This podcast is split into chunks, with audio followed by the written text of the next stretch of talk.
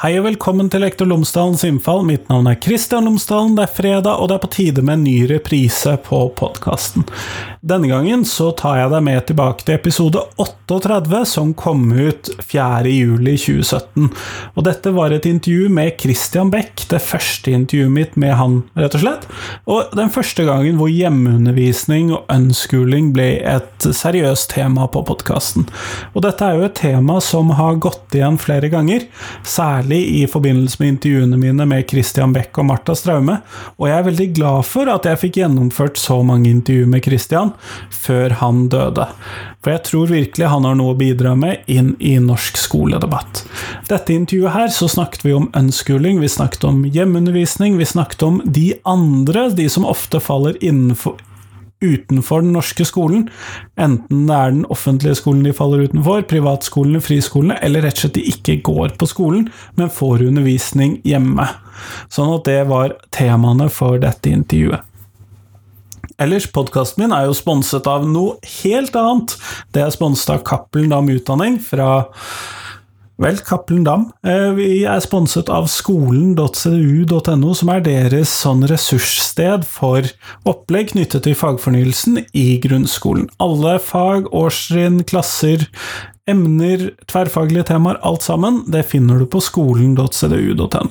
Hvis du da går inn der, så er det mulig at du har tilgang allerede gjennom en avtale som arbeidsgiveren din har gjort, eventuelt så kan du ta en prøveordning.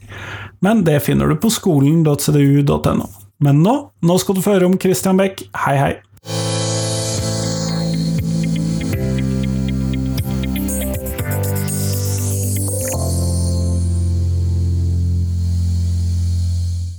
Tusen takk for at jeg har fått lov til å komme og prate med deg, Christian.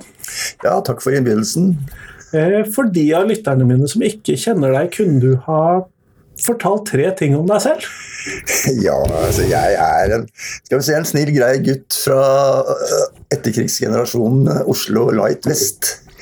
Og ble da, da uunngåelig knyttet, delvis i hvert fall, til 68-bevegelsen på 60-70-tallet. Og radikalisert. Eh, light, det òg. Og, og, så begynte jeg å studere pedagogikk etter egentlig å være realist. Og det sier egentlig noe også om meg. Så det kan vel kanskje da være eh, det andre punktet det er at jeg er nok en litt sånn sammensatt person. Og, og eh, f.eks. så ble min karriere på universitetet den ble, vil jeg si, ble litt schizofren. Flere forskjellige hovedinteresseområder? Mm, det var det ene. Og det andre var det at når jeg begynte å interessere meg for denne hjemmeundervisningen, så gikk det et par år, så følte jeg at jeg levde i en splittet verden. Det er hvor vi sitter nå. Her hadde jeg kontor i 20 år, fra 1994. Og når jeg stakk hodet ut av døren her, så var å snakke om hjemmeundervisningen Enten visste ingen noe om det, eller så var det et tabuområde.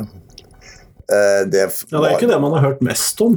Jeg er jo lærerutdannet selv. Ja, men du kan tenke deg, for I 94 så var det enda mer påfallende. Og, men så satte jeg meg inn på kontoret mitt, og så ringte de fra alle mulige eh, NRK, P4, TV 2, you name it, og skulle ha intervjuer og debattdeltakelse.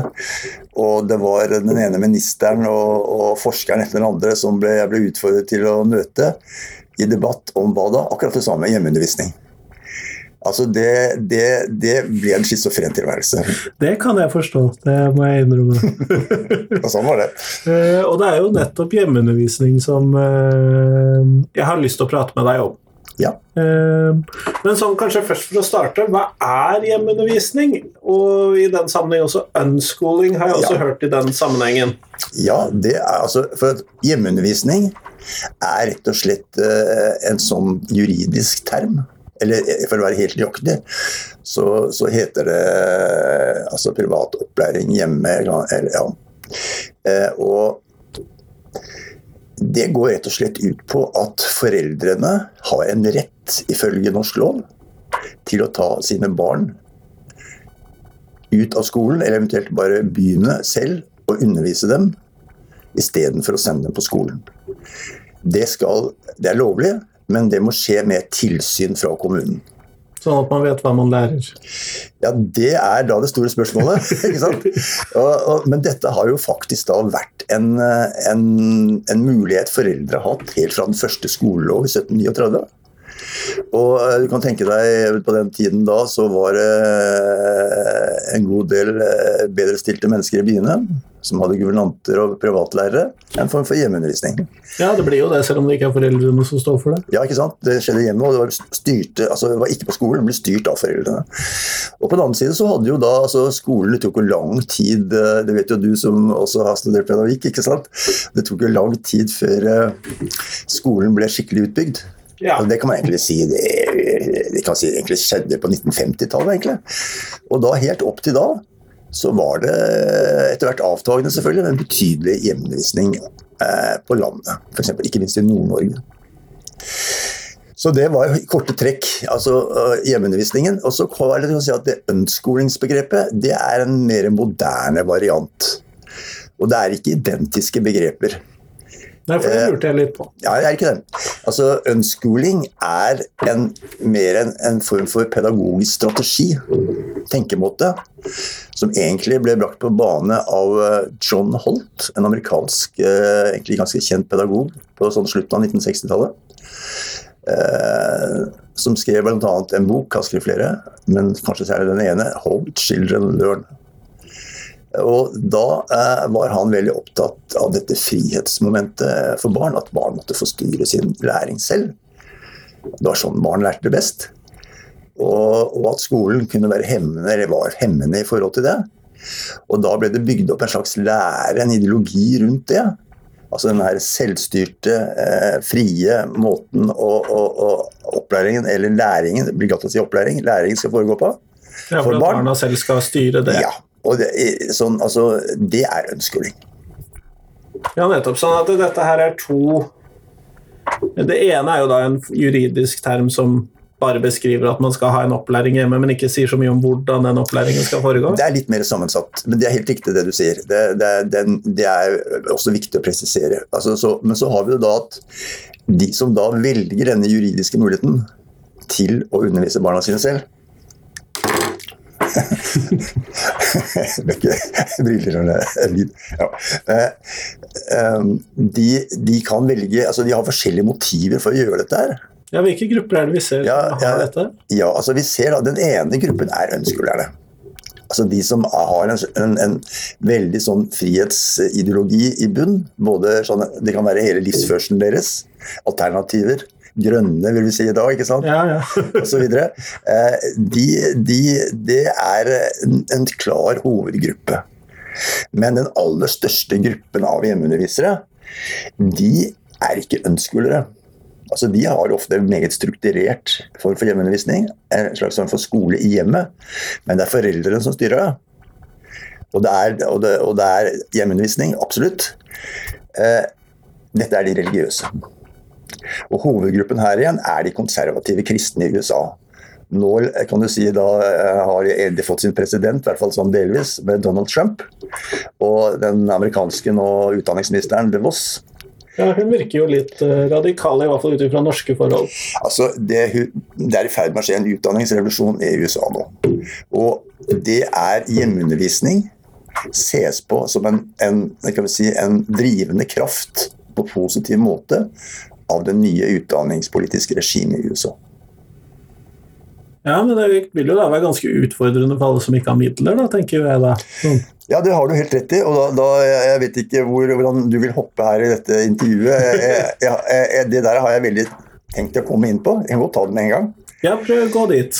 Altså, Det man ser nå, er jo at Eller det jeg så kan du si, i, på, når jeg kom bort til dette her på sånn 1993 Eh, det var jo det at det var ensomme sjeler rundt om i, i Norges land av ulik type. Som eh, ønsket å komme fri fra et veldig sånn, skal vi si, gjennomstyrt statlig utdanningssystem. Og, og, og de bodde, det var på en måte pionerer og, og virkelig sånne frihetssøkende mennesker. Og jeg eh, fikk sansen for det, og, og, på en måte, og begynte å forske på dette. her. så, men så, uh, altså, og det var det, Sånn var det i USA også, men altså, Norge var faseforskjøvet 10-20 år etter USA på dette punktet. Men det som har skjedd i USA, og som nå skjer over egentlig både i Norge og hele verden, det er følgende.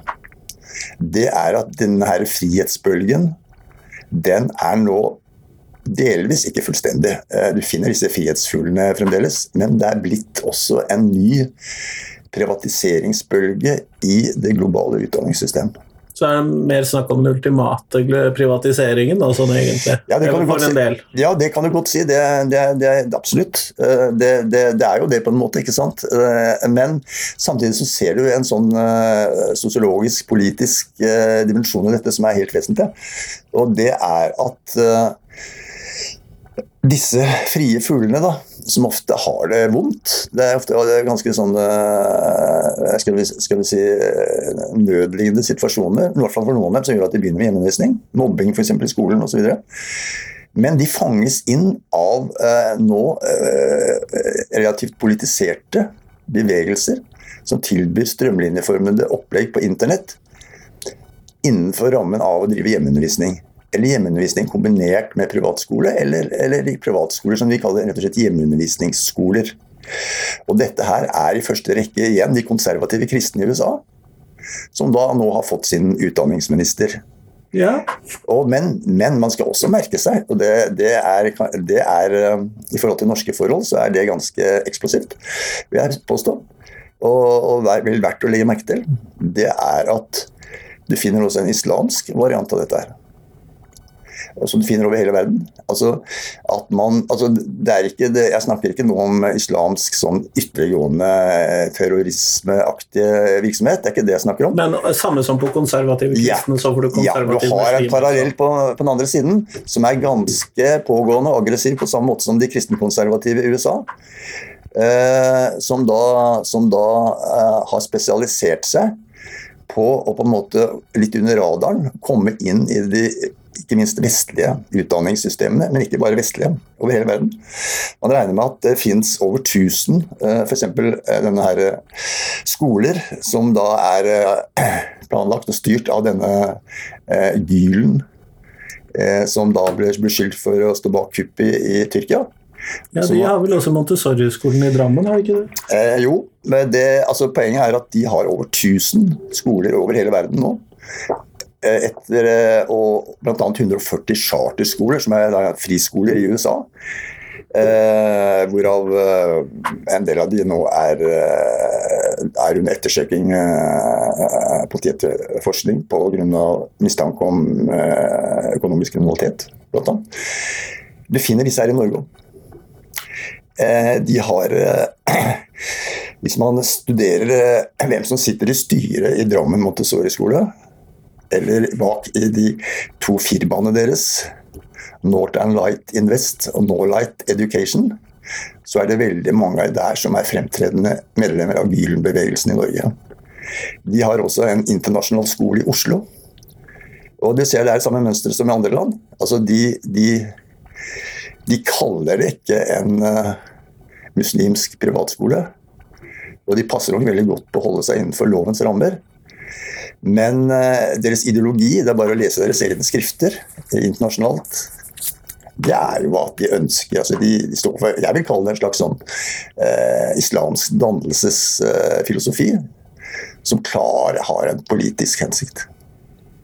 Sånn, da kan vi jo nesten begynne å snakke om at vi har fått de første muslimske privatskolene i Norge, for det har det jo vært en viss motstand mot allerede. Ja, det var jo én Urtehagen skole på, på 90-tallet men det ble bare rot, så de måtte ødela for seg selv.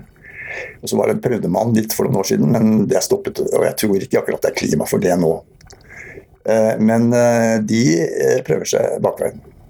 Ja, Interessant i seg selv. Men hvis vi da skulle se på de som er hjemmeundervisere i Norge, hva slags grupper Jo, det, det.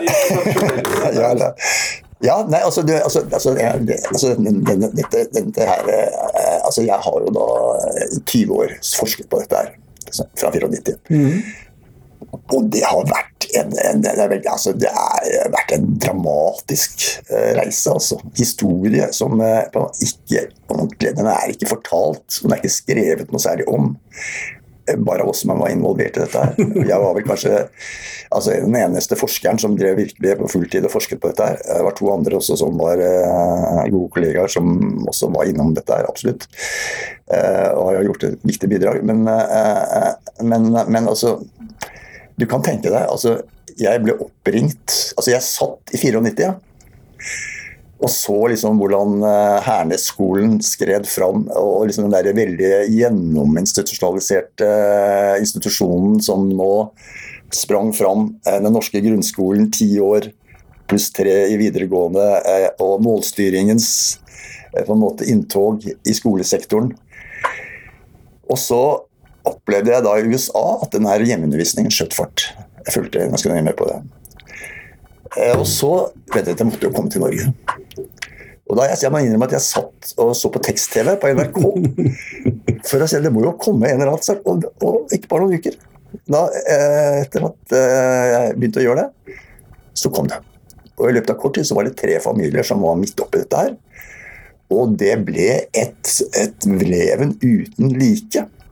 Ja, for det så jeg du hadde skrevet om at var barnevern og politi og Altså Det ble påstått at det da var skoleplikt i Norge. Og at de bare hadde med å melde seg på skolen. At det var en, det var en, gjort en forbrytelse. Det var ikke begynt på skolen. Altså, men det stemte jo ikke, da, for det, var, det er opplæringsplikt i Norge, ikke skoleplikt. Som er, altså, er hevd fra 1739.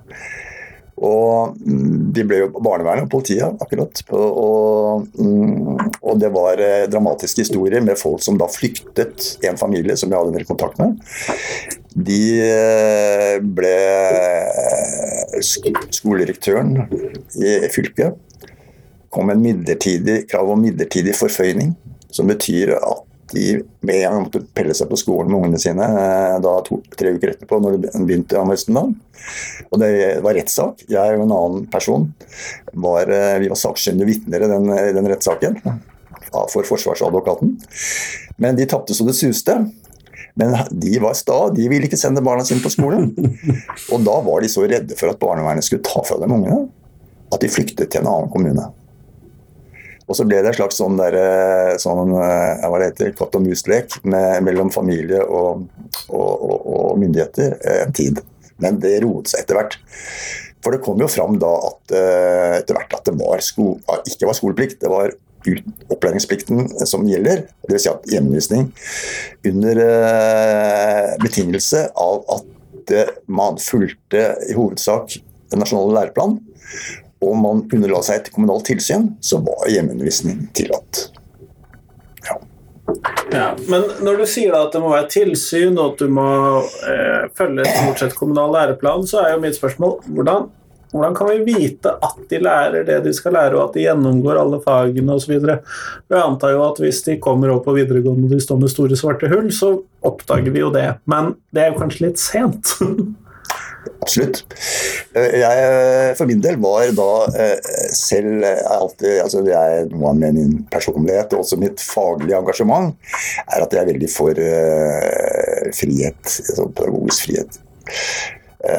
Og, og, Derfor så ble jeg veldig fascinert av dette her. Og, og, og dermed også vennligsinnet innstilt. Jeg ble jo av mange her tatt for å være superreaksjonær kristne konservativ.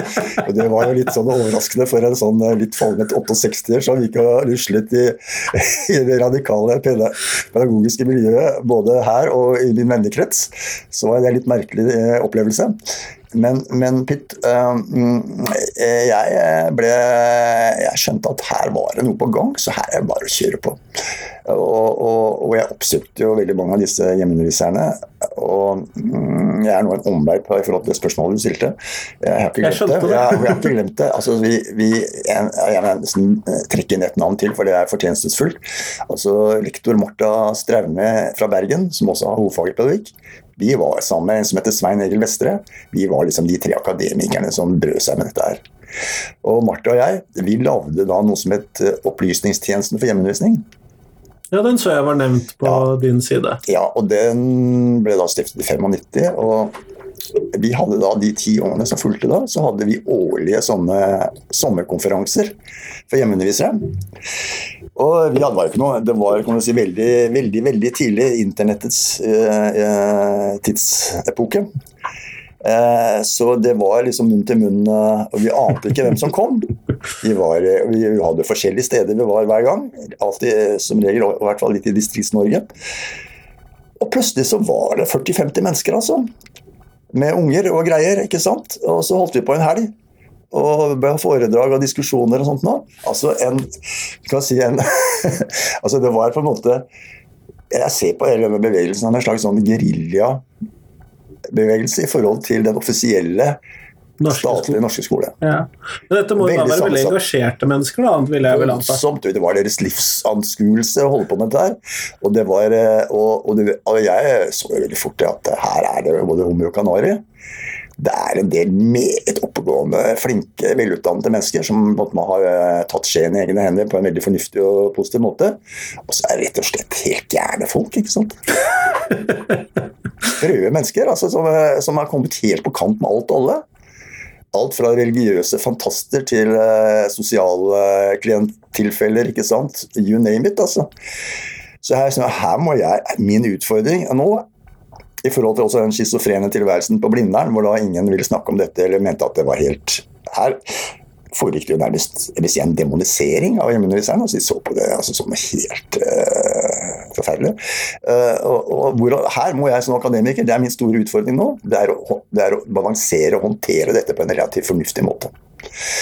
Og da, uh, altså Hvordan greier hjemmeunderviserne seg, barna, videre altså med kunnskap og videre i livet f.eks.? Ja. Det er veldig spredning. Selvfølgelig. Altså disse veldig ordentlige, flinke, ofte velutdannede, ikke nødvendigvis, eh, foreldrene Altså, de gjør det strålende. De som har de akademiske ressursene til Ja, eller det er også eksempel på eksempel at uh, foreldre med håndverksbakgrunn altså de, de lærer barna sine de nødvendige um, grunnleggende ferdigheter. Så blir de på en måte ført inn i, i deres yrke, snekker eller uh, Litt av videreføringen av den gamle lærlingtradisjonen. Ja, Ja. som hjemmeundervisning. Absolutt. Men um, også har du da disse nye ønskelerne. Som er jo, de er jo blitt på en måte liksom uh, Hva heter det? Altså, det er blitt en veldig sånn trendy greie rundt om. At de litt mer sånn uh, nerdaktige Silicon Valley-typene, ikke sant, de driver med ønskeling.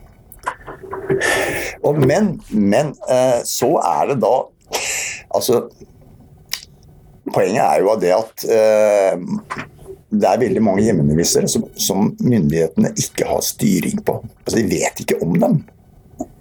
Og her er det mye rart. Altså. Det er, eh, og jeg fikk en, en si, gjennom min tette forhold til disse gjennom da, nærmest ti år, fikk en nær kjennskap til dette. her. Og jeg så jo det at det også var spor av familier hvor eh, unge lærte veldig, veldig lite.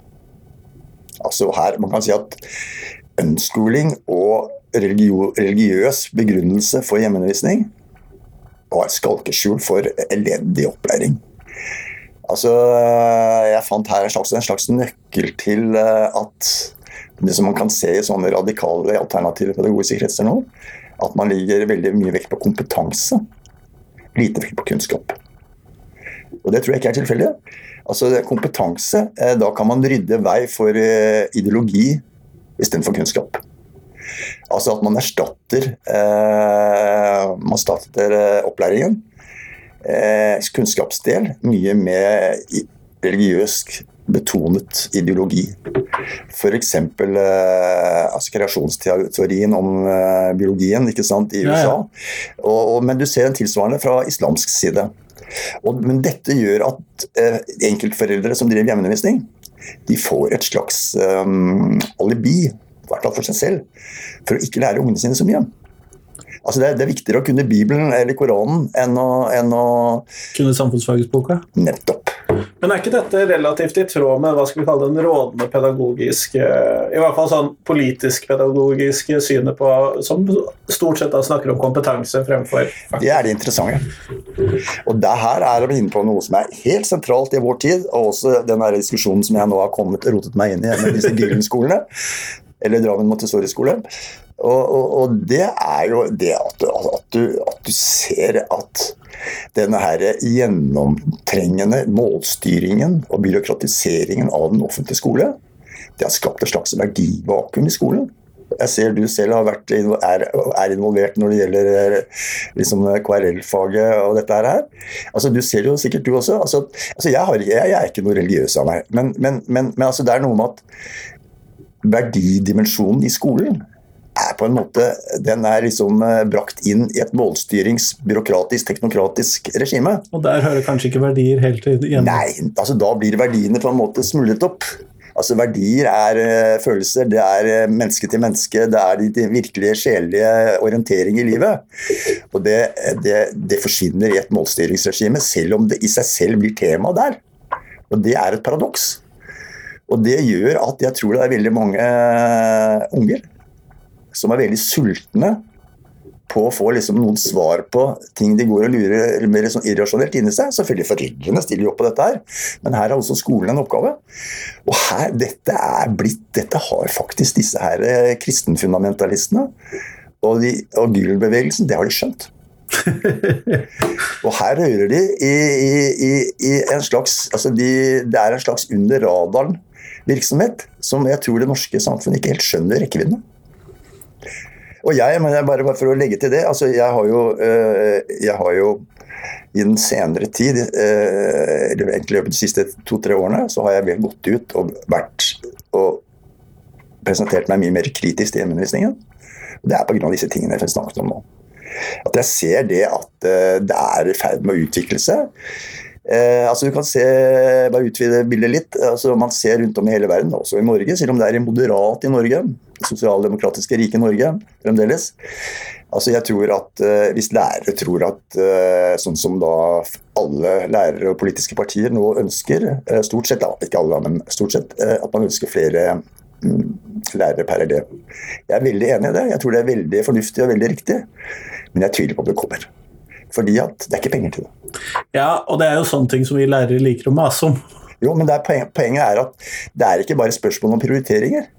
Altså Når man da har en globalisering på en måte hvor eh, den, skal si, den mm, bruttonasjonalproduktene synker, eller i hvert fall ikke stiger så fort som før, jf. rystbeltet i USA, eh, og du, og du samtidig har en del innvandring, så innvandrere som med lav utdanningsnivå for foreldre, Bare at dere skal integreres i Norge. Det krever enorme ressurser. Og Man bare innse at det kommer til å bli et kjempeproblem i årene som kommer. Og, og, og, det gjør at uh, ja, nei, at den offentlige skolen, uh, og sånn som vi ser i USA, altså i, i rustbeltet, da, der er jo i visse områder i Detroit, så er jo nesten den offentlige skolen en ruin. Altså, det er ikke penger. Skoler blir nedlagt. Lærerne får ikke den lønnen de skal ha. Og de, de slutter i protest. Elevene de gidder ikke gå på skolen. Nei, det er jo ikke noe vits, da. Nei, hva, er vitsen? De, altså, de er ute etter å få jobb og tjene penger. Så det du kan se for deg altså Nå er jo da hun De Vos, da, USA utdanningsministeren, hun går jo inn her nå da eh, altså De skal ikke avvikle den offentlige skolen, men de står klare til å komme inn da med private, frie, profittorienterte eh, charterskoleopplegg for disse barna. Og, og, og, det, jeg mener Du ser det, kan se det igjen i en mye mer moderat utgave. Så ser du en, så ser du en utvikling i Norge som har de samme Du kan kjenne de samme trekkene sånn i, i light-versjon. Altså, bare for å si at altså, Antall privatskoler i Norge har økt med 50% fra 19, 2005 til 2015. Eh, du ser at eh, privatskolen er i gjennomsnitt har ca. 90 elever. Altså vi snakker om grunnskoler. 90 eh, elever. En gjennomsnittlig mm, sånn offentlig grunnskole har 250 elever. Det store pedagogiske idealet i dag, Nyskolen i Oslo, ja, de har jeg også intervjuet. Ja, jeg har sett det. De er en veldig flott skole. Og, det er en liten skole. Og jeg tror man vil si at det er liksom den kulturelle middelklassen, eh, solide middelklassen eh, med kulturelt tilsnilt, som sender barna sine der. Eh, I hvert fall stort sett. Og, og, og, du ser en utvikling i Norge også, at eh, de bedrestilte de som skjønner tegningen av den globale utviklingen, de sender barna sine på små private skoler. Og så blir resten blir igjen i store fabrikkliggende masseskoler. Eh, det er bildet. Og det, vi ser tendensen til det her i Norge òg. Det tenker jeg jo ville være uheldig, særlig hvis vi da får en sånn, hva skal vi kalle det, en sånn gruppebasert eller klassebasert uh, deling av skole... Ja. Altså, noen vil jo påstå at uh, det har vi hatt i mange år, og at det er en, klasse, en sosial klassedimensjon. Det er, det, jo, det, det, er, det er, jo, det er jo kjent. Men denne er i ferd med å bli radikalt annerledes uh, verre. Både skummelt og interessant. Uh, men det jeg bet meg merke i noe du sa i stad, og det var det at eh, eh, mange av disse kommunene oppdager ikke disse hjemmeunderviserne. Jeg eh, tok jo min doktoravhandling på hjemmeundervisning i 2006. Da hadde jeg to empiriske undersøkelser. Det ene var et spørreskjema til hjemmeunderviserne. og Jeg fikk veldig høy svarprosent, derfor ble det veldig interessant. Men Spørsmålet er jo hva eh, Altså, den svarprosenten Altså, jeg fikk eh, eh svar på ca. over 90 av, prosent av de jeg spurte. Men hvor mange fikk egentlig tak i? Ja, ja. Samtidig gjorde jeg Jeg, jeg prøvde å, å gjøre en altså, så godt som mulig forskningsbasert telling av hjemmeundervisere eh, for da gikk du via kommunene for å finne? Jeg benyttet meg av eh, fire typer kilder. Eh, det som heter GSI-systemet, som er altså Utdanningsdirektoratets eh, statistiske oversikt over norske skoler. Ja. Også fylkene, kommunene, men også hjemmeunderviserne selv. Og den er OTH, Opplysningstjenesten for hjemmeundervisning, som jeg selv sammen med Marta drev. Og så gjorde jeg en rimelig grundig analyse på det. Og da var det interessant at GSI-tallet det, det året, i 2002, det var 119 elever, hjemmeundervisningselever. Men jeg kom til at det mest sannsynlige tallet var 365, eller rundt der omkring. Ja, nettopp. Tre ganger så mange. Og da er det jo veldig mange av disse som aldri får tilsyn. Nei, men altså, Jeg vet ikke om det tallet på 365 var riktig. Nei, Men selv om det bare er 200, da, ja. så er det jo mange. Og det samme mønsteret ser du i alle land hvor dette fenomenet fins. Uh, eh, men det har man rett og slett ikke oversikt over da blir det jo veldig vanskelig å kunne kontrollere på noen måte. Ja, men dette ser jeg på da som et eh, mer generelt eh, sånn skolespørsmål og samfunnsproblem eh, enn rent hjemmeundervisning. Altså, man kan jo bare tenke seg, Nå så jeg akkurat i morges eh, at det var, var det 149 barn som var forsvunnet fra flyktningmottak. Hva slags opplæring for de? Antagelig ingen. Nei. Eh, og så videre. Eh, det er eh, et stort antall barn i Norge i dag som myndighetene vet ingenting om, egentlig. Og heller ikke når det gjelder opplæring, og kanskje spesielt ikke det. Noen av disse driver hjemmeundervisning, helt opplagt. Og det er hjemmeundervisning da som man ikke har noen som helst kontroll med på om, om de da, dette går bra eller ikke gjør det. Men det er helt klart at det, blant hjemmeunderviserne da, også av de som du ikke vet om, så finnes det noen supre som bare har gitt blaffen i hele samfunnet. Noen av dem flytter til England f.eks. For fordi det er et liberalt regime. Men så er det andre da, som, hvor det er eh, i ytterste negative forstand, så er det snakk om barnemishandling og, og veldig dårlig opplæring.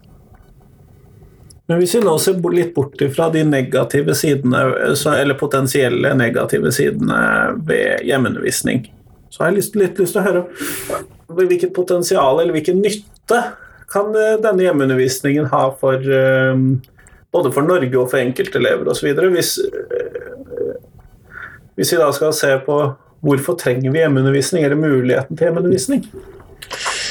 Ja, noen vil jo si at det helst ikke skulle være der. Eh, jeg er, jeg er, eh, selv om jeg er blitt eh, mer skeptisk de siste årene, så er jeg, jeg ser klart at dette med hjemmeundervisning er en demokratisk sikkerhetsventil i et demokratisk samfunn. Og det er en menneskerett. Det er beskyttet i menneskerettskonvensjoner.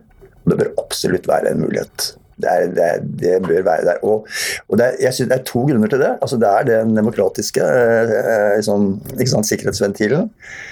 Nødrett. F.eks. for barn som opplever mobbing på skolen. Ja. Når ikke noe annet nytter, så blir foreldrene bare nesten av plikt til å bare dra dem ut av dette helvetet. ikke sant? Eh, Men så har du også en annen mer positiv, kan du si. Ja, ja, det er positivt det å komme ut av det. Men altså sånn pedagogisk sett Ja. så kan du si at uh, jeg ser på hjemmeundervisning også som et veldig viktig sånn pedagogisk utviklingsverksted. Som altså, det er noen da veldig oppegående mennesker som går, brøyter ny vei, nye stier. Og, og, og, altså, måter å drive opplæring på, måter å koble eh, undervisning hjemme, koble seg til andre typer bedrifter, institusjoner, eh, nettverk osv.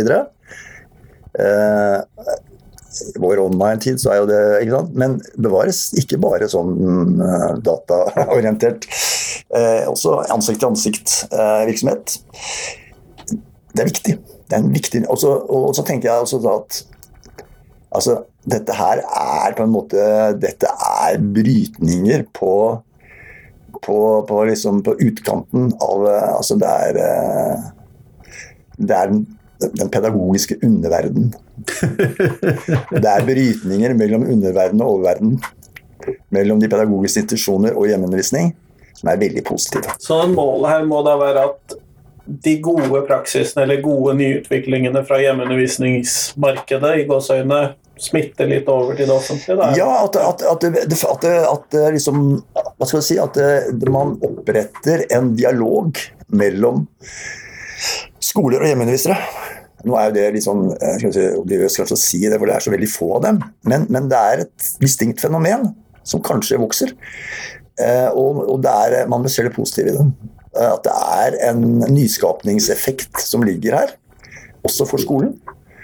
Og jeg tror da derfor bør skolemyndighetene, og det har de ikke alltid gjort, men det er faktisk blitt litt bedre nå, de bør møte det med et åpent sinn. Men da, altså, da tenker jeg på de hjemmeunderviserne som, som, som gjør det de skal gjøre. Og det er også da Altså Selv de mener jeg altså, de, altså Alle hjemmeunderviste elever bør jo testes. Jeg mener at det er helt nødvendig å kunnskapsteste dem på grunnleggende ferdigheter. Og to fag til i vår tid. Fag er Det det? er historie og samfunnskunnskap. Altså, du må kunne noe om det i vårt, vår urolige verden med all den der globaliseringen og migrasjonen og alt dette her, så må du skjønne f.eks. nasjonalstatens uh, funksjon. Og at den faktisk må vernes også. Man kan ikke bare være snill og god, men man skal også være snill og god. Men man må ta vare på det som skal ta imot, f.eks. Og Derfor må man skjønne statens øh, oppbygning og logikk. Altså disse her tredelte ikke sant? eh, lovgivende, utøvende og dømmende makt. ikke sant? Og så må man skjønne eh, den norske historien og verdenshistorien. Og der er det mye huller det hjemmeundervisere. Altså. Ja, det er jo ganske mye å dekke, da. sånn at uh... Jo, men jeg mener altså, noe grunnleggende her, som da jeg mener, regner med vil bli mer eh, distinkt i den nye læreplanen som nå kommer for, eh, for skolen, eh, den bør man sikre, passe på at hjemmeundervisere også får med seg. Den kunnskapen der. Finnes det noen måte også, hva skal vi kalle det, på en bedre måte integrere hjemmeunderviserne inn i hva skal vi kalle det, det store skolefellesskapet? Ikke sånn som med å tvinge dem på skolen, men som type For én sikre at de får det riktige, riktige at, de får, at elevene får kunnskapene de trenger, men også for at man skal kunne lære av dem, og for at de skal kunne ta opp i seg f.eks. endringer i læreplaner og sånn type ting. Fins det noen måte også integrere dem i det store, utvidede fellesskapet? Ja, det, er, det, er, det ligger som en åpen dør. Det er altså Rent sånn institusjonelt og juridisk så ligger det helt oppe. Og Stikkordet er det at det er opplæringsplikt i Norge, ikke skoleplikt. Og Det er bare fantasien som setter grenser for hvordan man kan møtes på dette her. Men da må du jo få skolesjefene til å, og kommunene til å Ja, der, eh, og det, det, er, det kan være et problem. Og, og, og så er det det som, men, det, men en hjelpende faktor her er på en måte det som er, står i loven. da, Kommunen skal føre tilsyn med hjemmeundervisningen. Altså kommunen, Selv om de ikke ønsker det, er forpliktet til å, å se etter. Og Det tilsynet kan også være en form for uh, dialog og veiledning, like mye som det er kontroll. Det bør være begge deler. Så, og, og jeg tror at det jeg har kommet til etter å ha fulgt disse, disse årene, det er jo kanskje for veldig mange er det optimale er noe hjemmeundervisning og noe skole. Altså noe at du kan variere mellom årene i, gjennom skoleløpet. Det er også noe i løpet av skoleløpet. At du har noen få følge på skolen, og ellers er hjemmeundervisning. Det tror jeg Å ha et avslappet og dialogbasert eh, sånn ramme rundt det, det tror jeg kan være veien å gå. Jeg tror nok mine barn måtte fulgt matematikkundervisning på skolen hvis jeg skulle kjørt hjemmeundervisning. i hvert fall. ja, altså Mine barn, hvis de skulle kjørt språkopplæringen, så måtte de på skolen. Matten skulle jeg greie. ja, for du var jo realfagsvenn. Ja, liksom, det var mitt fag på skolen. Da. Matte og gym og friminutter, det var det jeg, jeg håndterte. jeg er jo sånn typisk sånn kulturfag. Ja, akkurat. Det, akkurat. uh, ja, ikke sant? Der ser du. Det, det, og det, man er forskjellig, og bra er det. Og, og, det gjelder jo også hjemmeunderviserne. Og, og, det jeg savner, det, altså det jeg lurer på, det er jo uh, Det er jo hvorfor blir det så veldig styr rundt dette med den hjemmeundervisningen? Det er skummelt, da. Det strider jo mot alt vi er vant til. Ja, Men altså, hvorfor er det så veldig uh, provoserende? Altså, jeg, jeg mener, det, altså, hvis man Altså, jeg, jeg er helt enig i kritikken av dette, som jeg har snakket om nå med barne... Altså, det er noen barn som har det fælt pga. at de har hjemmeundervisning. Men det er også mange som har det helt utmerket. Eh, og, og, hvorfor kan man ikke ha et mer avslappet forhold til dette, hvis man samtidig får en, en, en rimelig tilstrekkelig kontroll med dette? Hvorfor er det så nødvendig at disse ungene skal drive på å være på skolen fra de er seks år liksom, og, og, og, til de er ferdig med bacheloren eh, 28-årsalderen. ikke sant? Å ha det som hovedbeskjeftigelse, er det nødvendigvis den rette måten å leve barne- og ungdomslivet på, og gir det den beste kunnskapen? Det stiller jeg et spørsmålstegn ved. Ja, det kan jeg forstå. Eh, men eh, fordi at nå når vi snakket om dette med hva vi måtte ha sendt barna våre på skolen for, når vi gjorde det nå nettopp, så har jeg for så vidt hørt at i USA så finnes det til dels sånne hva skal vi kalle sirkler, hvor man tar en dag hvor man går sammen fem-seks familier og tar en ja. dag i hver familie og utnytter det. Finner vi dette i Norge? Eh, du finner tilløp til det. Altså, det er flere, altså, det er flere hjemmeundervisningsmiljøer som, som, møtes regelmessig, nettopp i en sånn hensikt som du snakker om der. Det, altså, etter at uh, sånn, internett kom på 90-tallet, og du fikk liksom Facebook og alt dette her, og, sant, it, så er det blitt en helt annen hjemmeundervisningsverden, på godt og vondt. Og det er veldig mye kontakt hjemmeunderviserne imellom. Men de, de laver i større grad enn før, også i det lille hjemmeundervisningsmiljøet i Norge, kan jeg observere. Altså, de lager mindre miljøer. Sånne mer rendyrket f.eks. ønskelingsmiljøer. Eh, mer andre som er liksom, knyttet til spesielle religiøse retninger. Og så finner du noen hjemmeundervisere f.eks. som altså Det er et av disse her eh, som mener de er veldig intelligente barn, altså en Mensa.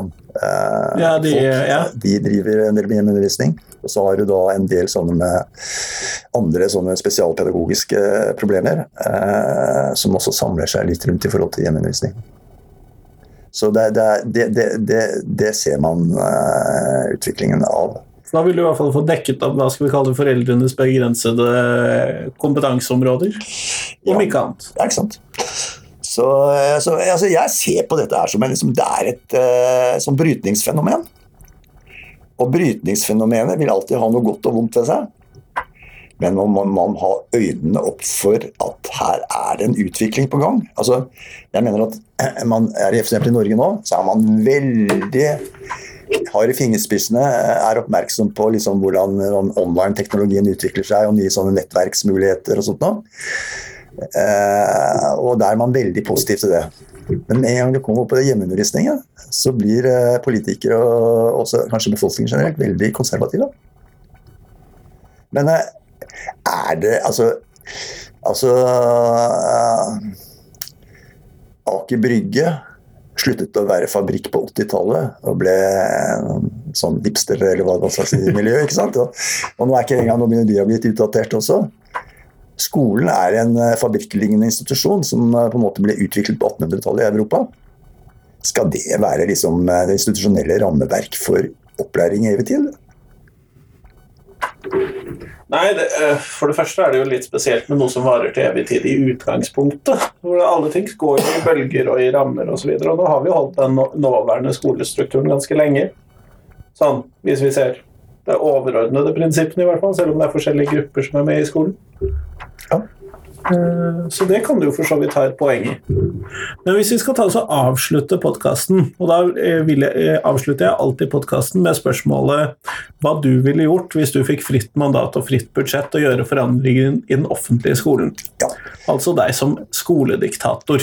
Og det er jo litt interessant ut fra ditt utgangspunkt her, da.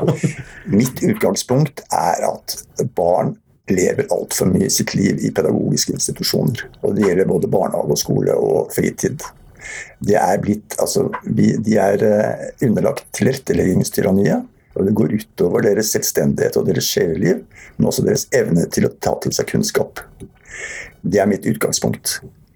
Eh, Jeg mener derfor at man bør eh, forbedre opplæringen, men samtidig kutte ned skoletiden. Så jeg ser for meg en sånn framtidsskole. Det er at, og Den bør være offentlig, absolutt. og ikke, for, Nettopp for det som jeg var inne på i sted med den eh, nye globaliseringstendensen. Vi trenger en felles arena som skolen, og den må være offentlig. Og veldig beskyttet av staten.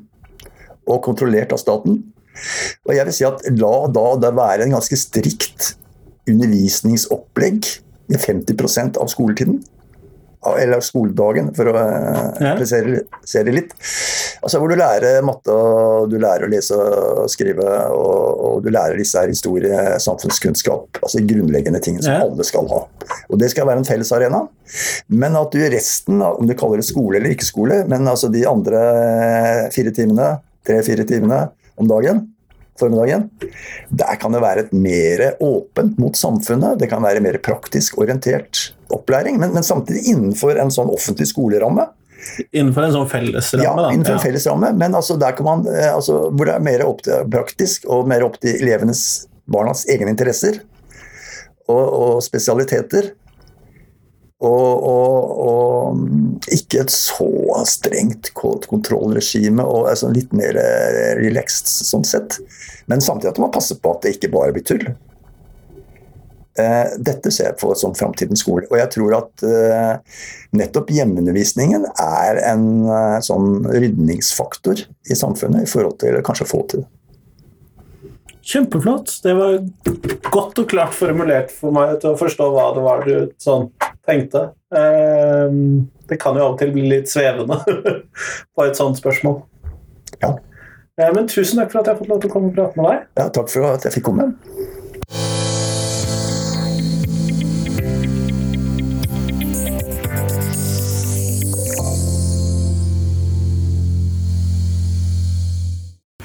Tusen takk til Christian, og tusen takk til deg som har hørt på. Nå er det fram til tirsdag, så kommer det et helt ferskt intervju på podkasten.